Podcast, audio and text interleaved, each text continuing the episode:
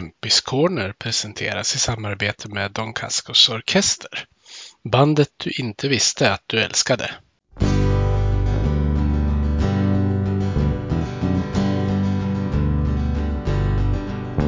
Vi hejar på Modo, rödvit och grön.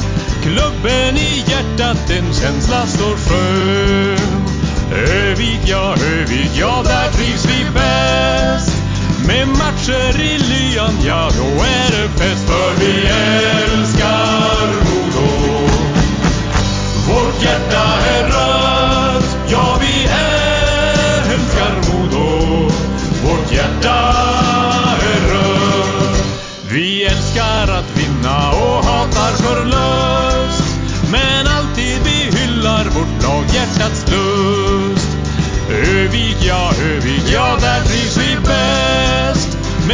Med matcher lyan, ja, då är det fett. För vi älskar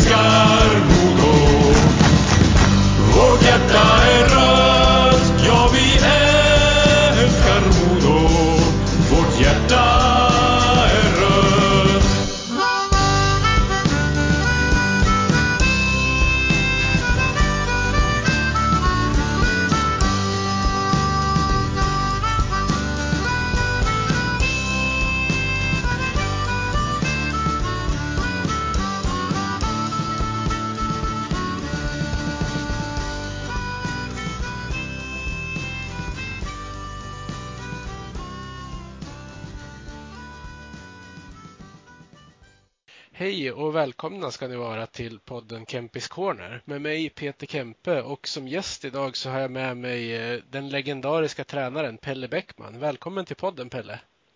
Tack så mycket. Jättekul att du vill vara med. Ja, det är inga problem. Eh, Jag, tänkt, jag har ju två frågor jag brukar ställa i början av den här podden. Så vi stökar av dem på en gång. Eh, Min Mm. första fråga jag brukar ställa är vilken anknytning har du till Modo? Jag var ju där i fyra år, så det är en ganska lång anknytning. Den här podden heter ju Kempis Corner, inte bara på grund av att jag heter Kempe i efternamn utan också som en liten hyllning till Kempehallen, Kempis. Och då undrar jag, det, det kommer ju bli fler frågor för dig sen, men jag undrar vad har du för minnen från Kempehallen? Det är många det. Ja, en härlig arena. Jag tycker arenorna är för stora idag. Det blir inte det trycket och Tänk då när Samuel Paulsson kvitterade när det var fyra fem sekunder kvar. Och hela campingsuget, det var som ett halleluja-möte. Det var väl en av de roligaste mötena. Vi kommer komma lite mer till din tid i Modo senare, men jag tänkte börja med att vi kommer till eh, hu- hur det kom sig att du började med just ishockey en gång i tiden. Är man född i Surahammar, då är det fotboll och ishockey som gäller. Det fanns inte så mycket annat att välja på på den tiden. Nej. Eh, Du är ju mest känd för din tränarkarriär, men kan du inte berätta lite om din tid som spelare? Ja, jag var ganska hygglig faktiskt. Jag spelade i Sura då från när jag var med, från och med jag var 15 år till 20 då. Och 1968 gick faktiskt Surahammar upp i högsta serien. Och eh, när jag var 20 blev jag värvad till Färjestad. Så körde jag åtta säsonger där. Två SM-finaler, förlorade bägge mot Brynäs under deras storhetstid då med Prosten och Lundström och Salming och grabbarna. Vi var ganska chanslösa. Ja, ändå hade ni inte ett dåligt lag på den tiden. Nej, hyggligt hade vi. gjorde väl lite sensation. Det var ju Leksand och Brynäs som var de stora då. Så vi slog ut Leksand i semi, så det var ju sensationellt. Eh, Vilka är dina största meriter som spelare? Är det SM-finalerna eller har du någon annan speciell händelse som sticker ut? Ja, 25 matcher i Vikingarna som det hette på den tiden. Och det var ju då, då fanns det ju inga spelare i NHL. Det var väl en eller två stycken då. Så det var ju en ganska bra merit, tycker jag. Eh, bestämde du dig tidigt för att det var tränare du ville bli? Jag tänker du kombinerade ju rollen som tränare och spelare ett tag har jag sett.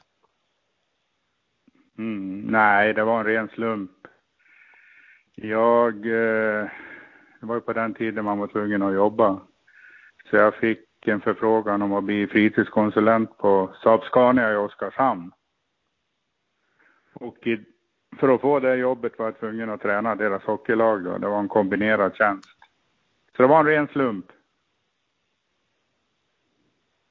Hur var det att, att, att vara både tränare och spelare? Då? Ja, det, det, var ju division 2 då, så det, det gick väl skapligt. Det är väl ingen drömsituation va, men det fungerar hyggligt. Ja, det är inte så vanligt att man man har ju sett det lite oftare i fotbollen tror jag än i hockeyn, men det kanske, kanske finns någon som gör det fortfarande. Ja, det, det är nog tveksamt. Det är väl på en väldigt låg nivå i så fall. Ja. När du hade varit i Oskarshamn ett par år, då kom du in och gjorde elitseriedebut som tränare med dunder och brak. Kan du inte berätta lite Nej, om det? det, det stämmer inte riktigt. Utan det Men var så var i att jag kom... först ja. Ja, jag kom in på GH. Det var ju drömmen i och med att jag var väldigt idrottsintresserad så hade jag en dröm att komma in på GH. Och efter många om och men så lyckades jag med det. Och samtidigt så tränade jag Väsby då när jag gick på GH. Och sen kom du in i, i AIK sen då? Det stämmer. Efter två år då fick jag en förfrågan från AIK. Ja. Eh, vad kan du berätta om den säsongen? Det, det måste ju ha varit speciellt. Ja, det var det ju i och med att Djurgården var ju stora på den tiden och AIK hade ju också ett ganska bra lag då, så det stod väl lite mellan Djurgården och oss då, vilka som skulle bli mästare. Och vi lyckades slå Djurgården i tre raka inför ett fullsatt Hovet då. Det var lite häftigt. Ja. Eh, hur, hur kände du då efter att AIK hade tagit guld? ja, det är klart att det var en stor händelse. Första gången man hade ett etablerat lag då, så det var ju väldigt nervöst så naturligtvis. Jag kom ju från, ja, först division 2 och så division 1 då. Så det var en härlig känsla. Ja, eh, hur stor del av äran tog du åt av, av själv? Nej, vi hade ett vi hade ju en bra blandning av unga och äldre rutinerade. Vi hade Leidan i målet där och sen hade vi Peter Gradin, Leffe Holmgren, Roger Lindström från Övik som var kapten. Och sen hade vi lite unga pojkar i Pelle Eklund som var på frammarsch, Tommy Lehmann. Så det var en bra blandning. Ja. Det var ett bra lag. Om, om vi tänker på dig som spelare, eh, vilka egenskaper på isen såg du som dina styrkor? Taktiskt smart, bra spelsinne, dåligt skott. Lite klen. Har du haft stor nytta av de här bra egenskaperna sen när du blev ledare? Ja, det tycker jag. Jag är ju uppfostrad av Arne Strömberg då. Jag hade han som tränare. Det var ju en stor lycka. Han började ju redan där på 70-talet och lära oss lite taktik och hur man kunde vinna över bättre lag genom att vara taktiskt skicklig.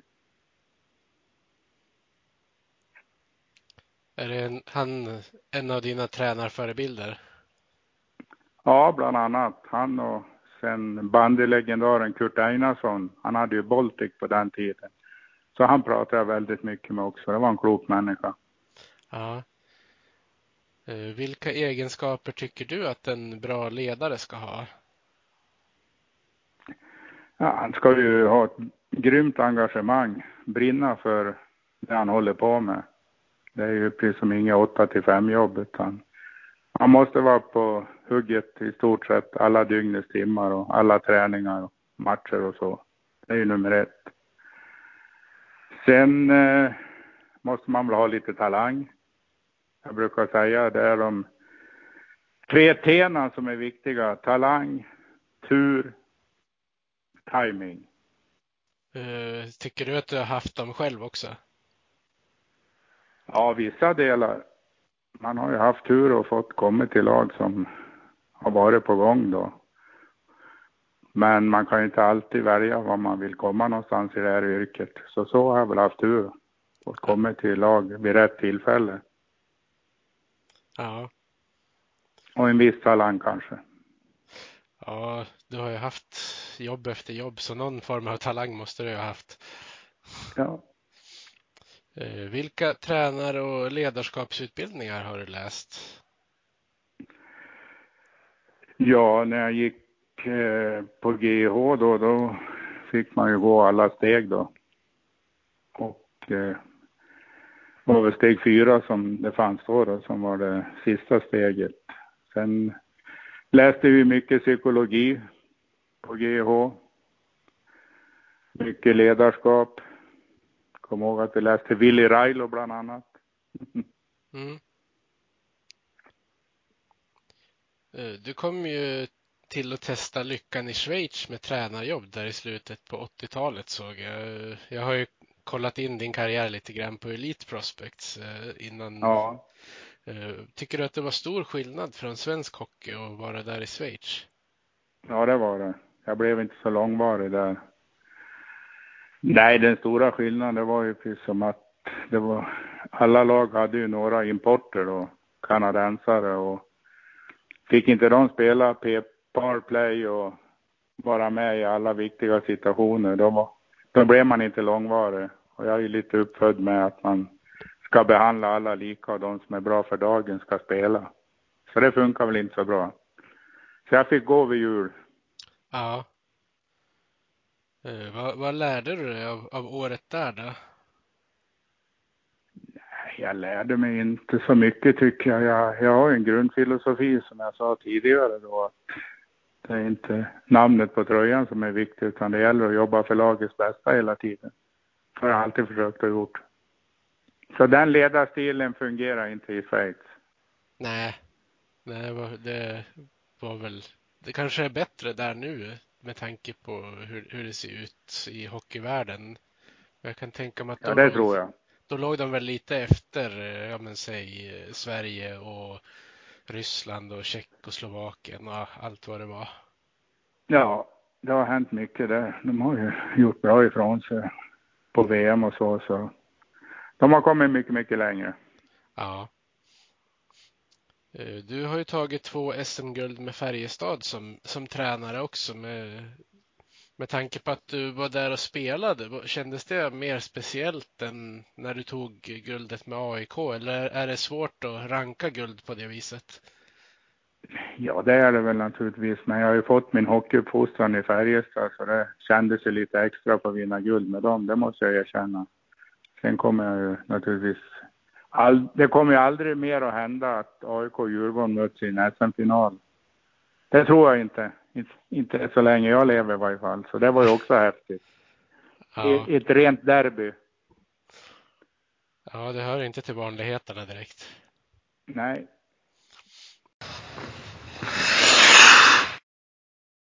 Om vi tittar till 1997 då hade Pelle Bäckman precis tagit SM-guld och blev utsedd till årets tränare i elitserien. Och då bar resan av till Modo Hockey. Eh, hur gick det till? Jo, det var så här att det gick väl inte så där jättebra för oss under säsongen. Vi låg väl i mitt, ja, kanske femma, sexa där någonstans. Och I och med att jag jobbade ju då som idrottslärare samtidigt som jag var tränare. Och då gick jag upp till Kjell Grennert som jag kände mycket väl då från min spelartid och även min tränartid och frågade om jag skulle få något förlängt för det var ju bra att veta i och med att man har ett jobb på sidan då. Och då sa han, ja vi väntar och ser hur det går. Och det tyckte jag kändes lite märkligt i och med att vi kände varandra så bra. Han visste vad jag stod för och sen någon vecka senare så ringde Åke Eklöf. Och då bestämde jag mig för att nej, nu är det bra med Färjestad. Nu tar jag en chans med Modo. Ja.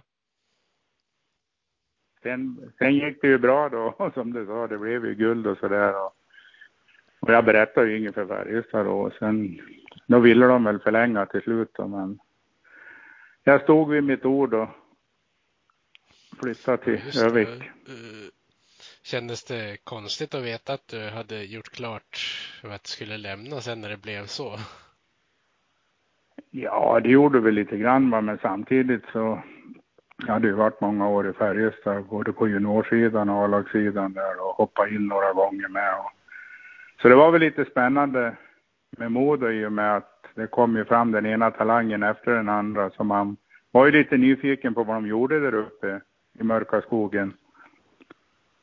Så det kändes lite Ja. spännande. Eh, om jag inte minns alldeles galet så efterträdde du väl eh, Leif Bork va? I Modo? Eh, du, pratade du någonting med han eller? Nej, jag pratade med Pirro. Han var ju assisterande till Bork och han skulle assistera mig då så Ja, just det var han jag pratade med. Hur kände du när du kom till Övik då? Kände du dig väl mottagen eller hur, hur tyckte du att, att det var? Ja, det tyckte jag blev fantastiskt väl, väl mottagen och Övik påminner lite om Surahammar. Så jag kände mig hemma ganska snart. Det var bara att skorstensröken var lite Ja. större i Modofabriken. Ehm, och din första säsong i Modo, då gick ni ju till, till slutspel. Kan du inte berätta lite grann om, om hur du kände liksom första säsongen? Ja, det gick ju inget vidare i början. Vi, vi vann inte många matcher fram till jul och vi kunde leda med 3-1 och 5-4 när det var två, tre minuter kvar men lyckades förlora ändå. Och eh, de flesta var glada. Det var inga supportrar som skällde på mig eller så va? men jag var ju van och uppfostrad i Färjestad då med att elitidrott går ut på att vinna. Så jag trodde väl nästan att det var färdigt fram till jul. Vi låg ju sist då. Men eh, jag fick vara kvar. Och eh, sen fick vi ordning på grejerna. Och alla förstod att det var viktigt att vinna. Och att man kunde stänga ner matchen när man ledde med 3-2. Så sen rullade det väl på Mm. ganska bra då. Och sen gick ni till slutspel och slog ut Leksand där. Sen Stämmer. kom ju den där, ja men, mer eller mindre kultförklarade matchserien mot Djurgården. ja. Ja, Det var kaotiskt. Nej, nej, det är väl klart. Det är väl, det är väl svårt att försvara det där idag. Det kan man väl inte göra, va? men eh, vi jagade upp varandra där och eh, det var ju storstan emot lilla Övik då. Så vi ville vinna till vilket pris som helst. Så det blev väl några urspårningar där. Ni hade ju ledningen i matcher innan ni kommer till eh, semifinal 4 som spelas i, i Kempehallen. Kan du inte berätta liksom, så mycket du kommer ihåg från den kvällen? ja. Om jag inte kommer ihåg helt fel så låg vi väl under men två, tre Ja. mål va. Och jag var Jag vet, var det Var inte inte så? 3-1 det stod om jag inte minns helt fel? Ja, 3-1 ja. Och jag var väl inte sådär jättenöjd. Och vad jag exakt sa efter, inför sista perioden, det kommer jag väl inte ihåg. Jag var väl lite skogstokig just då faktiskt. Men eh, vi fick ju till en vändning. Och när Samuel Paulsson kvitterade när det var några få sekunder kvar. Vi hade tagit ut målvakten. Det är ett minne för livet. Ja, Då var det fest i Campis. Sen att vi lyckades förlora lite olyckligt där då. De sköt en puck som tog på Kabbens handske och in om jag inte kommer ihåg helt fel. ja, och så var det det var ju en utvisning som hade lett fram till målet som ledde till de här, vad ska man säga, de klassiska scenerna efteråt. Ja, jag tror Samuel Paulsson knuffade till någon i hörnet där och Ja. vi fick en tvåa. På den tiden fick man ju knuffas lite så det kändes väl lite orättvist Ja. just så. Och sen blev det väl det här de här straffen som, som ni fick då på, ja, men på Allavara och Magnus Wernbloom. Om, om man tänker Mm. på, om du tittar på längderna på avstängningarna som döms ut i dagens hockey, kan du känna att ni blev orättvist behandlade där och då? Ja, alla vara fick ju ett jättelångt straff. Det var väl, eh, han missade väl en 10-15 matcher där när vi startade Ja. om nästa säsong. Det, det är klart man får inte attackera domaren men ja, det är svårt att säga om det var rätt eller fel. Ja, det, det, jag har sett folk som har suttit och granskat de där bilderna en del är ju säker på att det var Petter Rönnqvist som fällde domarna. Det kan nog ha varit så. Han var väl ute och vevade lite ja, där de också. trängde väl in varann på något sätt. Ja. Ja, ja.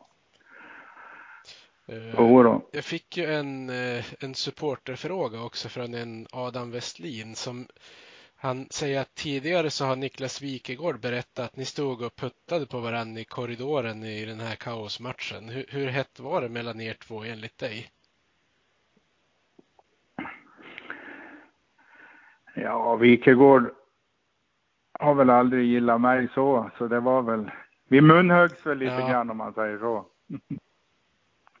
Jag hade ju mött han tidigare då när han tränade Boden. Och när jag hoppade in i Färjestad när vi skulle, vi var i kvalserien och då mötte vi dem i bästa av fem då, för att hänga kvar.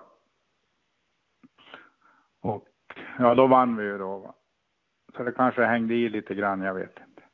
Ja, det är väl inte omöjligt. Nej, det är inte. Man var ju lite het på den tiden. Ja, var det inte då den matchen du stod med den här klubban också? Jo då. Jag var ute och vevade lite jag med. Ja, Men jag fick inget straff. nej. De kanske inte vågar gå på dig. Nej, man vet inte. Nej. Eh, sen säsongen efter, då hade ni ju ett, ett bra lag. Vad, vad säger du om, om laget ni hade då? Nej, vi tog första året då, jag tror vi tog in sju, åtta juniorer där då. Det var ju Sedinarna, Paulsson och Hedin och Holberg, Kalin. Kanske någon till jag har glömt här. Varg kanske var med och nosade på en plats också så. Ja, de var ju, det var ju bra gjort att vi gick så långt som vi gjorde då första året. Sen fick ju de lite mer kött på benen och mogna lite grann och vårat sätt att spela blev mycket, mycket bättre. Vi visade att man kan både försvara bra och ändå vara bra i anfallsspelet. Vi vann ju serien överlägset. Tror vi bara släppte in 100 mål på 50 matcher. Och gjorde mest. Så vi gjorde ju en fantastisk serie. Sen räckte vi inte riktigt ända fram, tyvärr. Och det grämer mig än idag. Ja, eh, nu så här drygt 20 år senare, hur känner du runt, man, man får väl nästan kalla det för det förlorade guldet? Ja, det tycker jag. Det måste vi säga. Vi hade ju allt i egna händer i, i, i Gävle. Ledde ju flera gånger om det. Så det är då vi skulle ha avgjort. Ja. Eh, Så det är klart man har grubblat på det många gånger. Jag tycker att, eh, ja, alla ledare runt omkring då med Åke och Hedin i spetsen och de har värda ett guld. Ja, Och spelarna naturligtvis. Så det var lite synd. ja, precis. Ehm, Jag har ju fått en- en supporterfråga också från, från en som, som tror att ni var en timeout från att vinna det där guldet och undrar varför inte den där timeouten togs. Nej, ja du. Jag kommer väl inte ihåg exakt när vi skulle ha tagit den. Men det kanske var någon gång när det var fyra, fem minuter kvar där. Det är möjligt. Ja, jag kan tänka mig att du har gått igenom alla scenarion i huvudet många gånger efter att det där. Ja, det gjorde man. Några år efter det så, så var det. Men ibland får man inte allt. Nej. Och säsongen 99-00, säsongen efter, då tog ni er till, till en lite mer oväntad SM-final kanske. Uh, vad, vad, kommer du ihåg från den säsongen? Ja, det var ju, vi fortsatte ju och fick ju hem, eller hem säger jag, vi, vi värvade Weinhandel från Troja och fick ihop en line där med Sedinarna och Troja. Vi ville ju ha en högerfattad och de skulle passa bra med dem och det blev ju succé då. Linje 80 som de hette. Ja. Tyvärr så fick ju Weinhandel ett öga skadat då i en juniorlandskamp. Jag trodde aldrig han skulle komma tillbaka. Men han gjorde ju det på ett fantastiskt bra sätt. Så där hade vi en kanonkedja. Vi fick ju revansch på Brynäs i semi där. Jag mm. tror de gjorde sex, sex mål då. Ja. De hade lekstuga. Sen i finalen mot Djurgården så får vi väl erkänna att det, det var vi inte nära ens. De hade ett fantastiskt bra lag med Espen Knutsen och Micke Johansson, Challe Berglund. Så det räckte vi inte riktigt till. Det var bara att erkänna. Då var vi inte nära. Så vi fick vara nöjda med finalplats. Ja. Uh, hur skulle du beskriva att stämningen i Kempis var under, under de här åren? Fantastiskt. Du vet, det blev ju, ja det var ju lite som det var förr när hallarna var lite mindre. Det blev ju sånt tryck, publiken kom nära och ja det, det är så det ska vara tycker jag. Då är det roligt att kliva in i båset. Ja. Ja det är väl Sen var de väl lite patriotiska, det får vi väl erkänna. Varje gång någon motorspelare ramlade, då skrek de på utvisning. Så det var inte så lätt för bortalagen.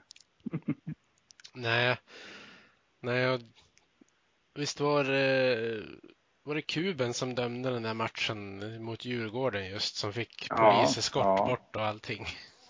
Jajamensan, så var det. Ja, det var väl inte så lätt för, för domarna på den tiden heller. Det var det inte. Det skötte Lunken och jag, vi skötte offside och icing och allting där. Vi ja. skrek hela tiden. Jag minns att Eh, P4 Västernorrland pratade en gång med dig om att ditt temperament i båset kom från det här xylitolet i tuggummi när du tuggade. Är du nöjd med det aprilskämtet idag? ja då, det duger. Men eh, skämt åsido, var, var tror du att humöret kommer ifrån? Var det någon kombination av vinnarskalle och adrenalinpåslag eller har du något, någon annan teori? Ja, Nej, man Jag är ju uppfostrad på bruket i Sura vet du, och då ville man ju slå Västerås och de är stora och det var, det började redan då. D-matcher mot Västerås. Lilla bruket mot Vikarna då. Då ville vi vinna till vilket pris som helst och Sen får man inte spåra ur som jag har gjort några gånger naturligtvis va, men det här med att försöka vinna, det har väl alltid legat mig nära hjärtat. Framförallt när det gäller elitidrott. Och sen när det är match, det är ju fest, då vill man ju tagga till lite extra. Så det, det var häftigt att stå ja. i båset i campis. Ja, ni hade ju verkligen folket i ryggen. Absolut. Sen får man väl bjuda på lite grann också. Eh, sen säsongen 2000-2001, det blev din sista hela säsong i Modo. Hur, hur vill du beskriva den? Då hade ju de här unga spelarna blivit flygfärdiga och då stack ju de till NHL så vi fick väl bygga om laget där med en, jag vet inte, sju, åtta nya då. Och det var ganska mycket på den tiden. Det var ju det som var roligt att vara tränare på den tiden. Det var ju att man kunde bygga vidare på de man hade. Det var inte så stor rullians på spelare som det är nu för tiden. Så det blev ett helt nytt lag då. Ja. I stort sett. Ett halvt i varje fall. Mm. Och eh, lite intressant då, jag kommer ihåg eh, Pirro och jag, vi åkte till Västerås och skulle titta på Simons. Han var ju lovande i Mora då. Men då hittade vi en annan spelare i Pil. En mm. storback som du kommer ihåg. Och eh, vi tyckte vi ville vara lite små då. Så vi ville ha någon stor spelare. Och när han kom upp till Modo då och det var ju lite folk på träningarna faktiskt. Då höll de på att svimma för han var ju inte så rörlig. Han var ju stor och lite kantig. Ja. Och i Modo där ska man ju vara smidig och åka bra skridskor och vara teknisk. Och det symboliserar ju inte pil. Så alla ifrågasatte ju den värvningen då, kommer jag ihåg. Ja. Det var lite uppror på Campi. Men sen visade det sig att han blev väldigt nyttig för oss.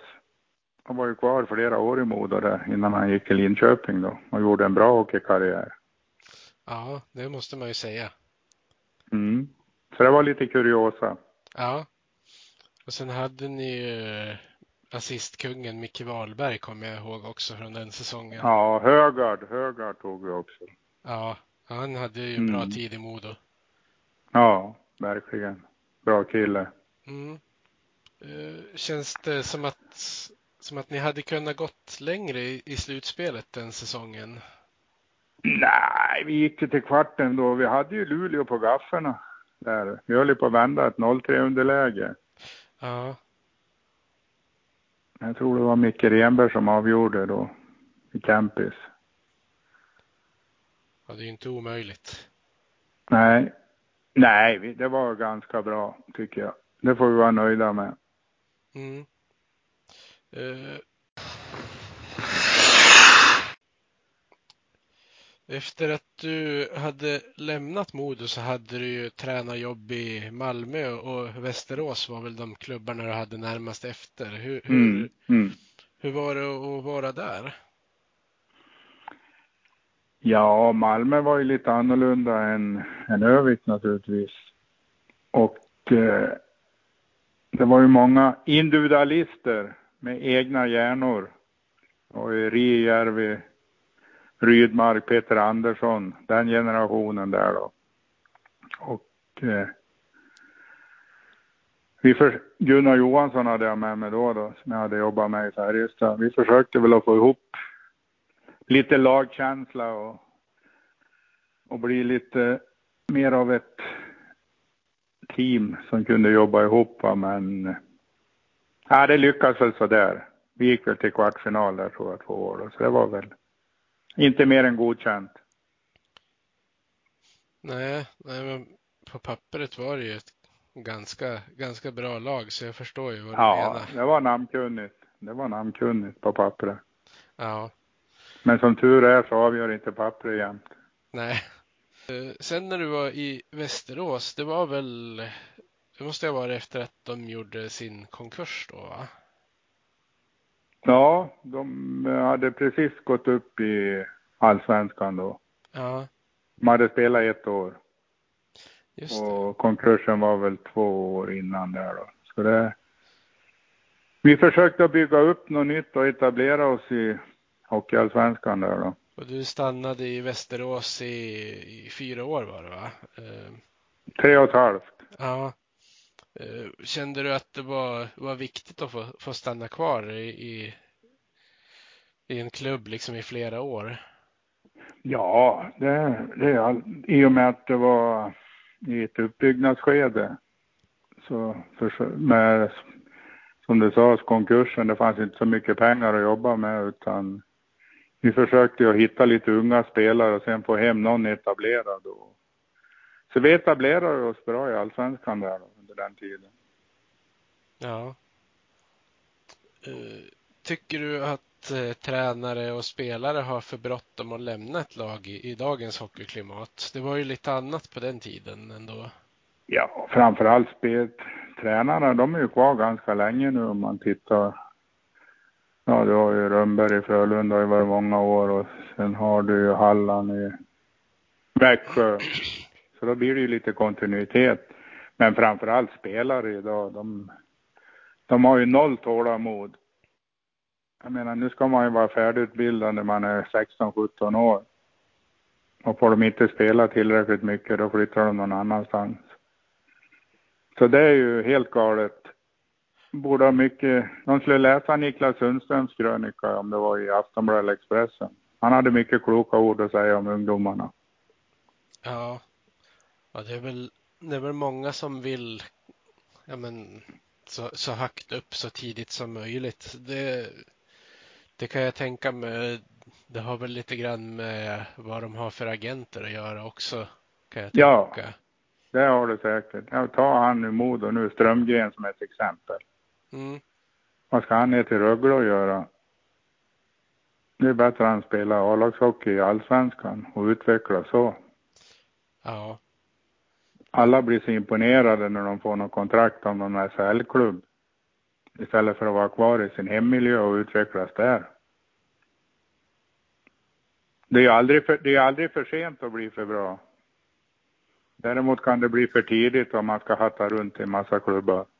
Ja visst, jag tänker just han går väl kanske fortfarande i skolan också. Ja. Nej, det finns för många exempel på det. Mm. Man kan inte hoppa från grundskolan till universitetet. Man måste gå alla steg. Ja.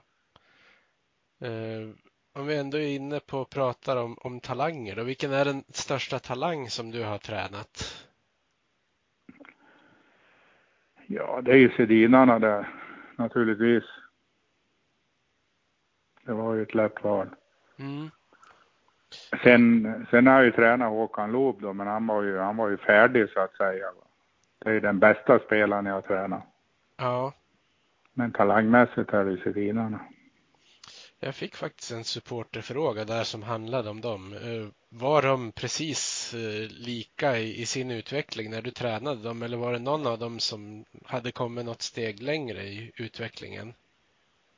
Nej, de var ganska lika faktiskt. Det var ju svårt att... I början fick jag ju säga Sedinarna ska in. Jag kunde inte skilja på dem. Nej. Sen var det ju... Den enda skillnaden, det var ju att Henrik, han var ju lite mer framspelare då. Och som center då tog lite större ansvar i defensiven medan Daniel han var ju en målspruta då. Så kan man väl säga att skillnaden var. Men Ja. utvecklingsmässigt gick det i stort sett likadant. Ja, det är väl. Jag tror att Vancouver är väl det laget som har haft flest eh, för många spelare på isen utvisningar på grund av att de på bänken inte ser vem av dem det är som kommer ut och byter. Hade ni det problemet i Modo också? Nej, jag, jag vet inte. Jag tror grabbarna kände till dem lite bättre än vad jag gjorde i början. Ja, Jag kommer inte ihåg i varje fall att det var något sånt problem. nej, det är väl ganska unikt problem när det gäller enäggstvillingar. Verkligen. Eh, hur nära följer du Modo nu för tiden? Ja, jag ser dem nog. Ja, minst hälften av matcherna jag har sett. Så jag följer dem ganska noga. Mm. Ja, Jag Det är ju det som är, har varit bra under den här pandemin. Man har ju kunnat se hur mycket hockey som helst. Ja, När det inte finns något annat att göra, när man får vara försiktig. ja, precis. Det har varit räddningen. Ja. Ja, du är ju i, i, i den gruppen som skulle vara försiktigast från början också på grund av Precis, och åldern. det, det har jag varit också. Ja. Eh, Så jag följer dem noga. Jag vet ju att du har haft synpunkter på hur Modos tidigare tränare Björn Hellkvist eh, lämnade Örnsköldsvik. Eh, Vad har du att säga om Mm. det idag? Nej, det är ju det är inte försvarbart. Man kan inte skriva ett treårskontrakt ena stunden och sen försvinna en månad senare när man ser att man börjar tappa spelare. Man måste vara med både med och motgång. Med, med facit i hand nu när vi vet hur, hur det gick för Modo, vad tycker du att de hade kunnat gjort annorlunda förra säsongen? Ja, det är svårt. Naturligtvis, man tappar många spelare. Och det är, det är inte gott om spelare idag. Det är spelarnas marknad. Så det är, det är jättesvårt att bygga lag. Va? Utan... Eh, nej, det är väl om man ska vara efterklok då, i och med att det var pandemi och, och inget ingen publik på läktarna så fanns inga intäkter att få. Då kanske man ska satsa mer på yngre spelare. Inte så mycket transatlanter och, och några fler importer där som inte var så bra tycker jag. Mm. Det kan man väl säga i efterhand när man har facit. Då är det lätt. Ja, precis. Det är alltid lättare att vara efterklok. Mm. Eh, tycker du på något sätt att den säsongen som var påminner om situationen där du fick hoppa in för att rädda kvar laget i Hockeyallsvenskan säsongen 16-17? Ja, det gör det väl. Det här problemet förmodar det börjar ju mycket, mycket tidigare. Jag tycker man tappar sin, sin identitet där. Det var väl efter guldet där ungefär det började och man tog in en massa transatlanter och så, som inte blev så bra då. Och sen har det precis som fyllt på hela tiden. Jag tycker ju att Modo, det ska ju vara bygdens lag. Det är svårare idag, det har jag full förståelse för, va? men de ska ju komma från Sollefteå och Kramfors och runt omkring och flest, flest ifrån Övik. Då. Det var ju Modos identitet tidigare. Ja. Eh, jag har ju fått en eh, supporterfråga från en som heter Håkan Strömmer. Han frågar, du som var en del av Modo under en relativt lång period, vad skulle du säga kännetecknar Modoandan om det nu finns eller fanns en, en sån? Ja, det var det jag belyste alldeles nyss. Vi hade ju, jag vet inte, jag tror halva laget var väl från Övik va? Ja, i alla fall med omnejd. Ja, ja, sen hade du Kramfors och Sollefteå. Så det, det var ju ett Norrlandslag och det är klart att det blev ju lite speciellt. Det blev ju, ja, många kom ifrån juniorleden, de hade spelat med varandra tidigare och kände varandra. Både på och utanför plan. Så det blev ju en viss stämning. Ja. En trevlig stämning. Men jag vet att det är jättesvårt idag. Va? Det är stor skillnad. Och som vi sa tidigare, nu drar ju ungdomarna direkt. De har inget tålamod. Nej. Uh, hur stor tycker du skillnaden var när du kom tillbaka till Modo sist på och coacha Modo i, i ett ja, i bästa fall halvfullsatt Fjällräven Center när du jämför med hur det var i Kempis? Nej, man kom ju till en lyxarena. Det var ju gym och loger och ja, allt var ju tipptopp. Så spelarna hade ju alla förutsättningar för att lyckas. Och sen, eh, ja, en fantastiskt fin arena.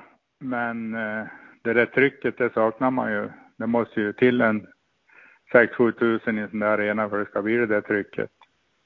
Så jag har hellre varit kvar i campus. Ja, och det är ju klassisk hockeymark, även om inte själva ja, arenan står kvar idag. Nej, jag vet det. Tyvärr. Ja. Uh, när vi är ändå inne på att prata om, om Modo nu. Mattias Karlin är ju ny tränare i Modo. Kunde du föreställa dig honom som coach när du hade honom i laget? Tyvärr så fick jag inte ha han så många år. Jag tror det bara var, blev det bara ett? Eller var det två? Ja, han drog ju till Boston sen. Mm. Han fick ju NHL-kontrakt. Men det var ju, det var ju, han var ju otroligt klok på isen. En klok center. Så jag tror han har tagit med sig det till sitt ledarskap och gjort en fantastisk resa med Västervik. Det är ju helt otroligt från division 2 till att etablera sig i allsvenskan då med små medel. Nej, jag är ju, jag har ju varit och tittat på Västervik här i Västerås och träffat Mattias också några gånger. Och berömt han. För det är ett lag som har spelat otroligt klok ishockey. Så det är en bra värvning för Modo. Ja. Kan han få Modo att spela på det sättet då, då kommer det att bli bra framöver. Ja, han har ju skrivit treårskontrakt. Jag pratade ju med, jag hade ju Mattias som gäst i senaste podden och pratade med honom om att den senaste som fullföljde ett treårskontrakt i Modo var Harald Lyckner. Så han, han har ju det han jobbar på nu. Ja. Nej, men det är klart, nu måste du, jag kan inte byta tränare hela tiden utan sen är det väl inte så lätt att hitta den rätta, men något närmare än Karlin kan de väl inte komma som har sin upp, fått sin uppfostran i Modo och känner mycket för klubben och, och visar att han har klarat av det här. Det kan väl inte vara så mycket bättre. Nej, det känns ju som det borde vara en, en rekrytering som passar både klubben och Mattias själv egentligen. Absolut. Uh, finns det några andra som du har haft uh, som spelare i dina lag som du har anat skulle kunna bli trä bra tränarämnen? Ja, Svartvadet. Han blev väl sportchef i alla fall. Mm. Han var ju en bra kapten. Det kunde man tänka sig. Vad hade vi fler förändrar där? De var ju så unga då. Eh, alla bara hade engagemanget och vi, vinnarviljan. Kunde man ju också tänka sig. Ja. Kabbele var ju en klok spelare. Jag vet inte om han har, har han haft några ledaruppgifter i Tjeckien? Han var ju NHL ett tag i varje fall. Ja, jag vet faktiskt inte vad han gör Nej. idag. Nej, nej. Nej, det var väl de. Ja. Eh, du var ju också fem år i, i Danmark, så jag, jag undrar vad den största skillnaden är på att jobba med klubb och landslagshockey? Det är att man inte träffar spelarna så ofta och det dagliga arbetet blir ju, är ju en enorm skillnad så då va. Och sen när det gäller ishockey så vet du inte vilka spelare du får hem förrän, ja du vet ju knappt när första VM-matchen ska spelas. Vi hade ju en sex, sju man i NHL på den tiden. Med Peter Egin, Frans Nilsen, eller Filip Larsson. Ja, vi hade en sex, sju stycken faktiskt i NHL. Så det var ju ett stort problem då hur man skulle bygga laget. Det är ju, det är ju den stora skillnaden. Ja, Böttger var väl framstående då också? Ja, Mikkel Böttger hade du. Visst, det är lätt att glömma någon. Ja, sen kom ju Fredrik Andersen, målvakten, över också. Så. Ja. Nej, de har varit bra. Mest, det är ju en liten sport i Danmark. Det är ju handboll och fotboll som är de stora sporterna. Sen kommer hockeyn lite där nere då, men eh, de har varit duktiga och fått fram bra spelare. Eh, Det är bolllirare, de flesta. ja, Mm. ja, de hade ju en, ett bra VM 98 i fotboll minns jag. Ja, ja, ja, ja. Fantastiskt. Laddrup, bland Ja. annat. Ja, visst. Nej, så de som väljer hockey, de är oftast speltekniska. Eh, Eh, vad, vad får man lägga mest fokus på när man tränar ett landslag då? Det är ju, det vi la mest fokus på, det var ju det här med, ja, taktik och lagbygge och så då. Och, och roller. Det, det var väl det vi la mest tid på. De var ju ganska individuellt skickliga många va. Så gäller att få rätt roller till dem. Och sen i och med att vi var tvungna att spela på ett speciellt sätt när vi mötte finnar och tjecker och de här duktiga lagen. Så det var väl inte så roligt alla gånger tyckte de då, när vi bara skulle försvara. Men vi fick ganska bra resultat till slut. Ja. Eh, Du hade ju Thomas Jonsson som assisterande tränare där. Ja. Även när du var i Modo. Eh, Pratade ni någon gång om att du vann eh, han, hans sista hockeymatch i Leksand var ju när ni slog ut dem i slutspelet. Ja, jag glömmer han aldrig. Nej. De hade gjort en storsatsning då med Le- Leksand med P.K. Eklund och, och Thomas Jonsson bland annat och hade ett jättebra lag. Nej, det, det, det glömmer han aldrig. Men Nej. det var en fantastisk kille att ha med sig. Jättebra assisterande. Ja, en riktig hockeylegendar får man ju säga i svensk hockey. Ja, han var ju, han var ju Modo och var mästare. Ja, det också. Ja, visst. Nej, ödmjuk kille. Vi hade mycket roligt ihop. Ja, hur tycker du att ert jobb där i Danmark gick? Det gick eh, förvånansvärt bra måste jag säga. Vi fick ju med oss grabbarna där och vi gick ju faktiskt till kvartsfinal ett år. Mm. Och vi var ju väldigt beroende av att få hem de här NHL-spelarna. Jag kommer ihåg ett år då fick vi ba- bara spela med inhemska spelare och då trodde man väl inte vi skulle överleva men på något mirakulöst sätt så klarade vi det också. Ja, Nej, det var fem roliga år. Det var en bra nedtrappning.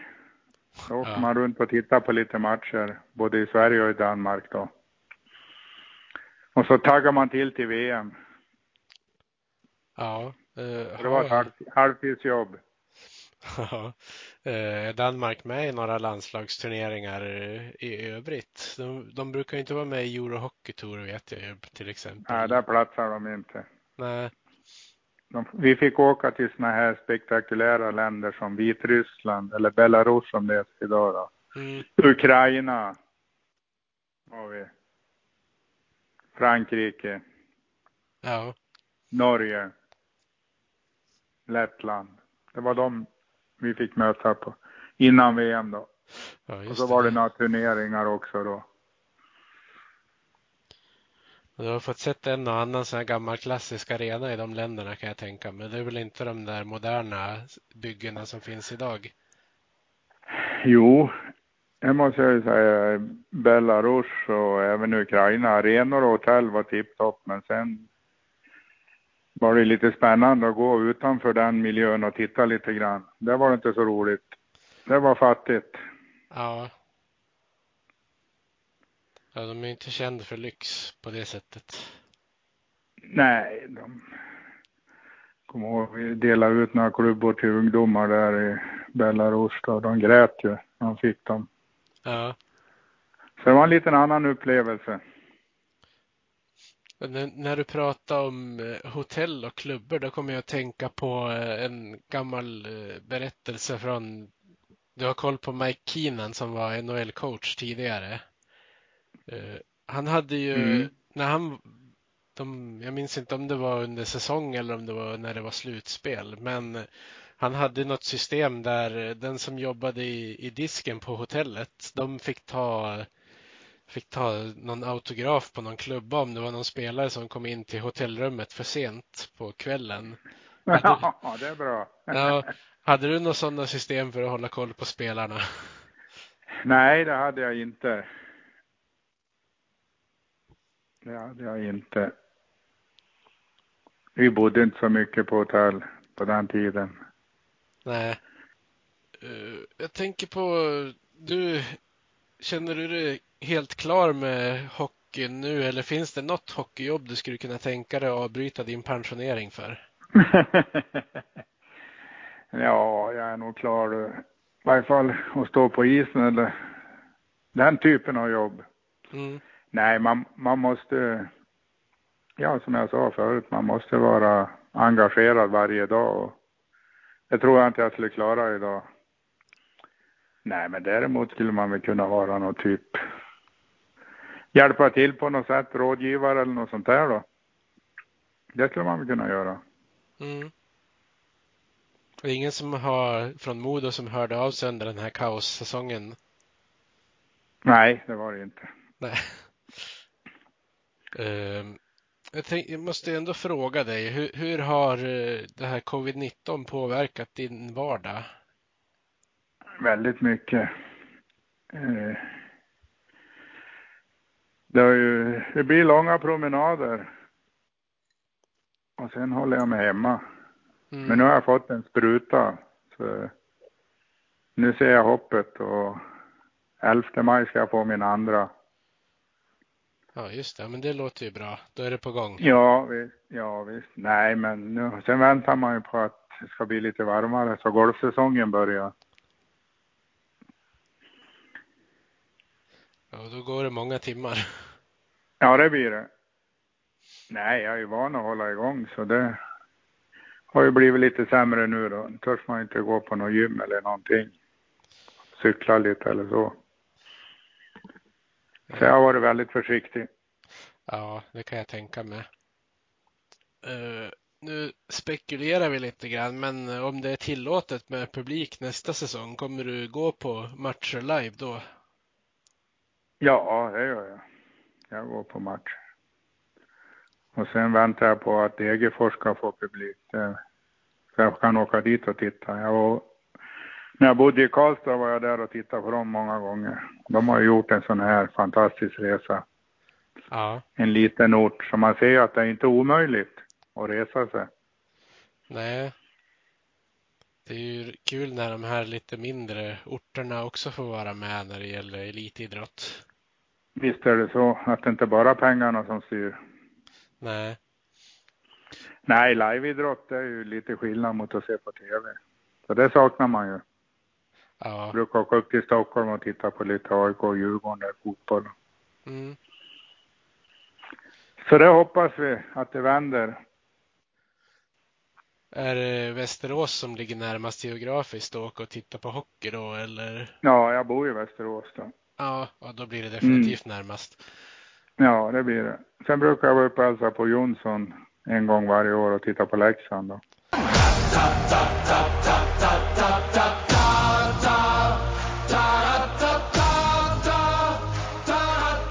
Supporterfrågan.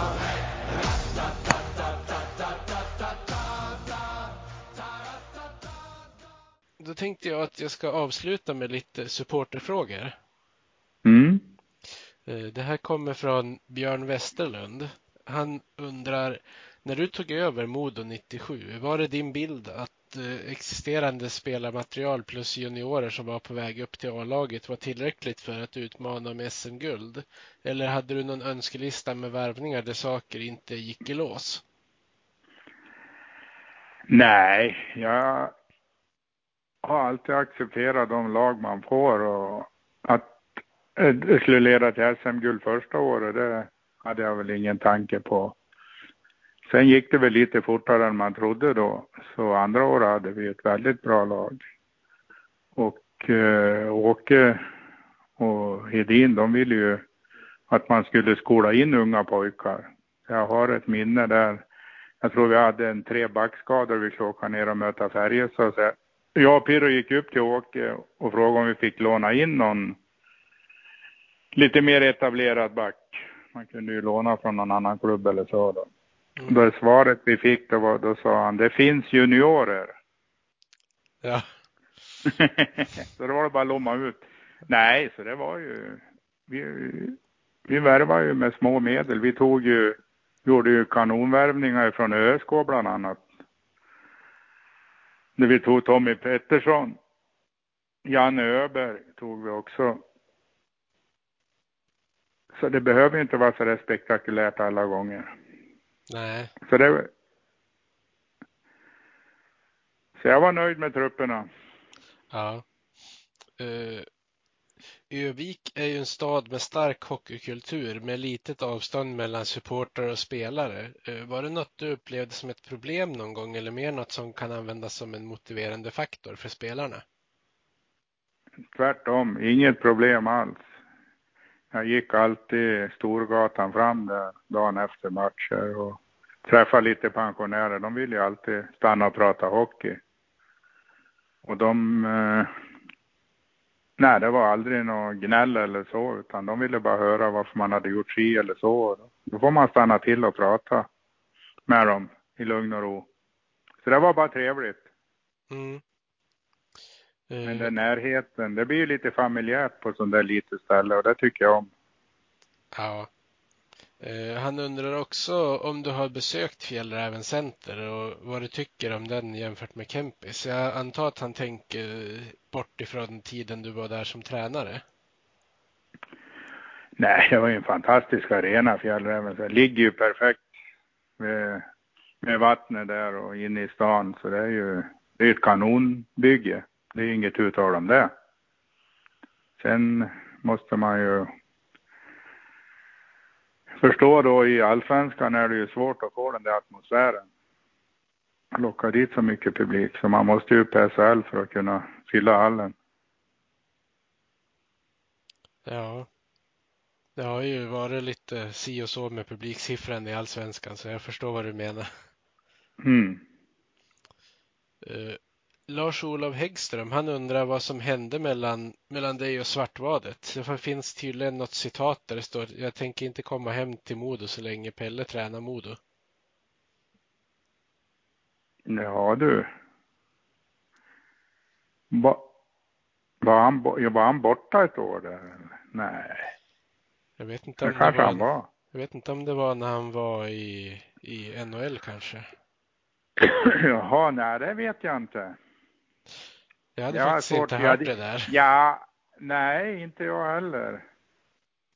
Nej, det kanske var att han, det var ju, ja han var ju en etablerad spelare i Modo när jag kom dit och sen kom ju, ja Sedinan och Paulsson då, så han blev väl bara tredje center om jag inte minns helt fel. Det var ju Henrik i första center och Samuel Paulsson andra center. Och Mm. det kanske, det kanske var det han irriterade sig på om man tänker efter. Ja, Det kanske var så. så kanske det var ja. Ja. Ja, Och det är sagt, inte så jag, roligt för en etablerad spelare att få kliva. Det, det var ju bara tre kedjor då. ja. Ja. Ja, det är väl det jag kan komma på. Robert Eriksson, han ställer frågan så här många år i efterhand. Vad hände egentligen under fjärde matchen i Gävle 99? Han skriver under med en som var på plats fick eh, inom citationstecken Trocadero beslagtagen och dessutom punktering på vägen hem. Han hade, han, han hade en dålig kväll. Ja. Ja, du. Det är ju mycket tillfälligheter. Det är som när man sitter och tittar på de här semifinalerna här. Det är ju en studs hit och dit. Så det är ju svårt att säga något exakt vad som hände. Jag, jag kommer ihåg att Bissert och Molin och Janne Larsson, den kedjan där, de spelar ju i stort sett nonstop sista tio och det var ju en bra line va. Men eh, nej, det är svårt att peka på något speciellt. Om vi blev övermodiga eller så.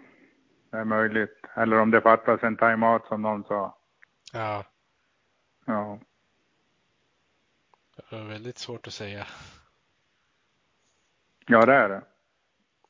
Eh, Bjarne Sjödin, han undrar eh, om det stämmer att A-laget fick ändra träningstid någon gång för att det skulle passa ihop med Tommy Petterssons pluggande och tenta. Nej, ändra träningstid tror jag inte gjorde, men eh, vi, man fick, vi fick ju ta hänsyn. Han utbildade sig till ambulansförare. Mm. Så han fick väl vara ledig någon gång. Så vrång var jag inte. Nej, Nej, men ändra träningstid, det gjorde vi nog inte. nej, Men, där, men däremot fick han kanske stå över någon träning. Det gjorde inte så mycket, han var så vältränad. ja. Ja, det var en lyckad värvning det. Verkligen. Eh, Johan Westerlund, han frågar eh, vad du tycker om Modos eh, underbara enögda publik i Kempis och trycket som var. Vi har ju varit inne på det lite grann redan också. Mm. En fantastisk tillgång. Med den publiken och så Lunken och jag i båset som skötte offside icing och publiken skötte utvisningar så Mm. hade vi lite gratis där. Det kunde inte bli bättre. Nej. Det är bra med en extra, extra öga som kan hålla koll på sånt där. Det behövde vi. Ja. Eh, jag har fått fråga från Anders Johansson. I vilken förening har du trivts bäst som tränare? Ja, en av dem är absolut Modo. De har ju varit på många platser i många år och sådär. Men Modo är topp tre, det lovar jag. Ja.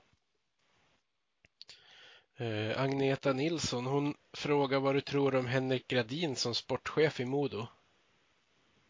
Ja, det är väl lite samma som Karlin. Han har ju en Modoanknytning och är född på bygden. Så det tror jag på. Ja. Ja. Hon undrade också vad du trodde om Karlin som tränare, men den har du ju redan svarat på lite tidigare. Mm, mm. Nej, det är en bra kombination. De känner ju varandra också. Ja. Eh, sen Den kombon håller vi tummarna för. Ja, verkligen. Eh, Vi hoppas ju att det ska pe- peka uppåt nästa säsong, för nu har det varit neråt länge. Samtidigt måste vi ha lite tålamod. Det är inte lätt att vara sportchef idag. Bygga lag. Det Nej, finns inte så mycket att välja på. Som det. Bredden har ju tunnats ut. I och med att det fattas en 300 spelare i svensk hockey. Man får inte glömma det. nej. Och så är det väl ett sånt här år när det är många juniorer som inte har fått spela så finns det väl risk att fler hoppar av också. Ja, det gör det. Det är bara hoppas de kan övertala dem med Ja. sunt bondförnuft. Ja, precis. Det behövs ju spelare till alla nivåer i, i landet. Ja, ja, ja. Eh, Sen har jag Johannes Forsberg. Han, han undrar hur trivdes du på Storgatan 46? Han bodde tydligen granne med dig. Jag trivdes jättebra. Han undrar också vilka är de största profilerna som du har tränat? Om du får bedöma det själv. Ja, Håkan Loob är ju en. Sedinarna. Per-Erik Eklund. Ja, det är ju, det är ju många. Vad har vi mer? Pekka Lindmark. Thomas Rundqvist. Ja, det är några stycken i varje fall. Thomas Sandström har ju tränat i Malmö. Ja, Det är profiler alltihopa. ja verkligen. Idel välkända namn. Mm. Eh, Han, han undrar också, finns det några sköna stories kring händelser som har varit bakom kulisserna? Sånt där som inte har varit lika känt som, ja men säg Djurgårdsmatchen. ja. Det är, det är väl en hel del det. Men att, vad tänker han på modotiden då eller vad tänker han på? Ja, förmodligen. Ja. Jo, det var ju då första året. Det, vi var väl inne lite på det, det gick ju inte så bra då. Vi låg ju sist fram till jul och Pirro och jag blev uppkallade till Åke så vi trodde ju att det bara var att packa ihop och dra vidare. Så vi var ju väldigt nervösa när vi kom in där på kontoret och, och ja, först så kallpratade vi väl lite grann och så där som man gör då. Och sen sa Åke, vad ska vi göra för att det här ska bli bättre? Mm. Och då resonerade vi lite där och då tog vi hem Fredda. Andersson, målvakten. Ja, vi ville ha lite mer konkurrens där då. Och när man gick därifrån då växte man ju lite grann och fick lite självförtroende. Det var en sån där grej som kanske inte kom ut. nej. Det kan ju kanske ha varit någon bidragande effekt till att det gick bättre sen då. Absolut. Fredda var en glad typ. Kom hem och utmanade Peter Rönnqvist som första spaden där. Ja, Så det var den grejen vi gjorde. Och det blev lyckat. ja, det kan man säga. Eh, han har också en fråga. Hur tycker du hockeyn har förändrats eh, på gott och ont från tiden som, som du var aktiv till nu? Ja, det är en stor förändring. Alla är ju professionella nu. På min tid när jag spelade då jobbar man och så tränar man sex, sex på kvällen. Så alla är ju bättre tränade idag. Bättre förberedda för träning och match. Förr kom man ju direkt till träning då. Sen tycker jag tekniken har väl utvecklats en del men eh, däremot så tycker jag eh, det här som med taktik och spelförståelse. Det är mycket tuta och kör idag. Det ställs inte så stora krav på spelarna. Jag tycker många spelare är outbildade. Så den skillnaden ser jag. Ja. Jo, det har ju blivit en, en viss skillnad på tempot och då kanske Absolut. kanske de här playmakersna, de blir undanflyttade. De som, de som läser det lite bättre. Ja, sen, sen finns ju de i NHL. Det är också en stor del. Förr så var det ju bara en eller två som fick åka över till NHL, de allra bästa. Idag är det ju Kleti och Pleti som åker till NHL, så det är klart det blir tunnare i svensk hockey. Men det innebär ju inte att man behöver bli sämre rent taktiskt och spelförståelse. Utan där måste kraven höjas på spelarna. Ja. Uh, vad, om jag avslutar med en, en fråga, vad, vad tror du svensk hockey behöver göra annorlunda för att eh, ja, men för att få fram fler bra ungdomar och, och, så. Det blir väl en ganska stor fråga, men jag tänker på var det 12 som U18-landslaget förlorade mot Kanada med häromkvällen? Det, all, det allra viktigaste det är att se till att hela Hockey-Sverige lever. Vi måste ju införa övergångspengar det, det, får inte vara så lätt för SHL att plocka från allsvenskan och division 1. Snart kommer vi ju bara ha en 15 klubbar som är professionella. Så får de inte betalt för det är ju ingen mening att fostra. Ja men du har ju Modo som exempel. De skulle ha varit självförsörjande för länge sedan. Mm. Så att man kan eh, ha heltidsanställda junior och ungdomstränare det är ju en viktig sak. Sen eh, är ju hockeyn för dyr och för komplicerad. Du måste ju, som förälder måste du kunna gå ifrån jobbet och ha två bilar och skjutsa. Och vi måste på något sätt försöka se till att vi får fler till sporten.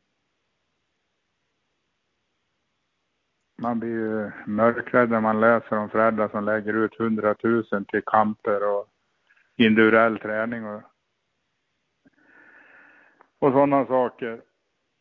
Ja. Så det är svårt för en vanlig ensamstående mamma med pojke som spelar hockey.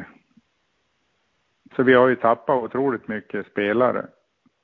Sen måste vi också hitta någon lösning med NHL. Det är inte meningen att de ska ta över spelare som ska spela i farmarlaget utan de ska ju vara kvar hemma här. Och sen måste det bli dyrare att värva som det är i fotboll. Men äh, det kan inte vara, om Poppa ska till NHL, det kan inte vara samma sak som, ja vad ska vi säga, äh, Mattias Bromé går till NHL, då får du samma betalning. Ja det är sådana bitar man måste lösa. Det är att få bra tränare på ungdomssidan. Heltidsanställda som är välutbildade. Få bort föräldratränarna. Ja, sånt funkar ju till en, till en viss gräns, men det är väl när de kommer upp i en viss ålder behöver de väl ha bättre, bättre utbildade tränare såklart. Absolut. Ja, men det var alla frågor som jag hade till dig Pelle, så då får jag säga ett stort ja. tack för att du ställde upp. Tack själv. Och så tackar vi alla som har lyssnat. Så håller vi tummarna för Modo i vinter. Jajamän. Vi hejar på Modo, rödvit och grön. Klubben i hjärtat, en känsla så skön. Övik, ja, Övik, ja,